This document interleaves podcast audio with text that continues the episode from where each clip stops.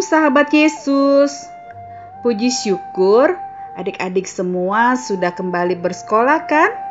Walaupun kondisi kita belajar masih tetap online, kalian harus tetap semangat belajar. Membaca firman Tuhan, membaca buku renungan harian juga, serta yang paling penting berdoa. Adik-adik, renungan kita hari ini mempunyai tema cara yang baik dalam memperlakukan orang lain. Mari kita siapkan Alkitabnya. Kita buka kitab Matius 7 ayat 12 sampai 14. Matius 7 ayat 12 sampai 14. Dan biarkan Alkitabnya tetap terbuka ya. Mari kita berdoa terlebih dahulu adik-adik. Terima kasih Tuhan Yesus untuk penyertaan-Mu setiap hari. Kami bersyukur Tuhan, kami boleh tetap sehat sampai hari ini. Tuhan, sekarang kami mau belajar firman Tuhan. Ajar kami Tuhan, agar dapat mengerti firman-Mu, dan mampukan kami ya Tuhan, agar dapat melakukan firman Tuhan setiap hari. Dalam nama Tuhan Yesus, kami berdoa. Amin. Mari kita baca bersama-sama adik-adik. Segala sesuatu yang kamu kendaki supaya orang perbuat kepadamu, perbuatlah demikian juga kepada mereka. Itulah isi seluruh hukum Taurat dan kitab para nabi. Ayat 13, Masuklah melalui pintu yang sesak itu, karena lebarlah pintu dan luaslah jalan yang menuju kepada kebinasaan dan banyak orang yang masuk melaluinya. Ayat 14. Karena sesaklah pintu dan sempitlah jalan yang menuju kepada kehidupan dan sedikit orang yang mendapatinya. Demikianlah firman Tuhan.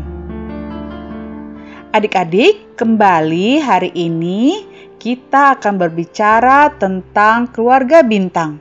Ada apa ya cerita hari ini? Yuk kita dengarkan bersama-sama adik-adik. Bintang, tolong lihat nak. Siapa ya yang mengetuk pintu gerbang nak? Mama sedang masak nih, tanggung sayang. Oke ma. Aduh mah, gawat. Itu mah rupanya pengemis yang mengetuk pintu kita. Aku takut mah. Udah kita nggak usah buka ya ma pintunya. Coba mama lihat dulu deh kalau begitu nak. Bintang, kamu ke sini deh. Coba lihat ini. Bapak tadi itu bukan pengemis, nak. Bapak itu hendak mengembalikan dompet mama yang terjatuh tadi pagi saat mama ke pasar. Tahu nggak, nak? Bapak itu tidak mau loh menerima uang pemberian mama. Tadi, mama mau kasih uang ke bapak itu, tapi beliau menolak. Mah, maafin Bintang ya. Bintang sudah berpikiran tidak baik terhadap bapak itu. Bintang menyesal, mah. Iya sayang, tidak apa-apa. Lain kali berhati-hati memang perlu. Tapi kamu jangan langsung menuduh seseorang jahat tanpa bukti ya sayang. Coba deh Bintang, kalau Bintang ada yang menuduh, untuk hal yang tidak kamu lakukan. Apa bintang senang? Tentu saja aku tidak senang, Ma. Terima kasih Mama sudah mengingatkan aku ya, Ma. Nah, adik-adik, kita tidak boleh berprasangka buruk terhadap orang lain. Seperti yang diajarkan oleh Tuhan Yesus dalam firman Tuhan. Selalu bersikap baik terhadap semua orang, agar orang lain akan berbuat baik juga kepada kita. Ayo, adik-adik, kita mau sama-sama ucapkan janji kita.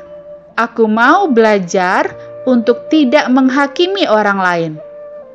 Sekali lagi, kita ucapkan lebih keras, ya.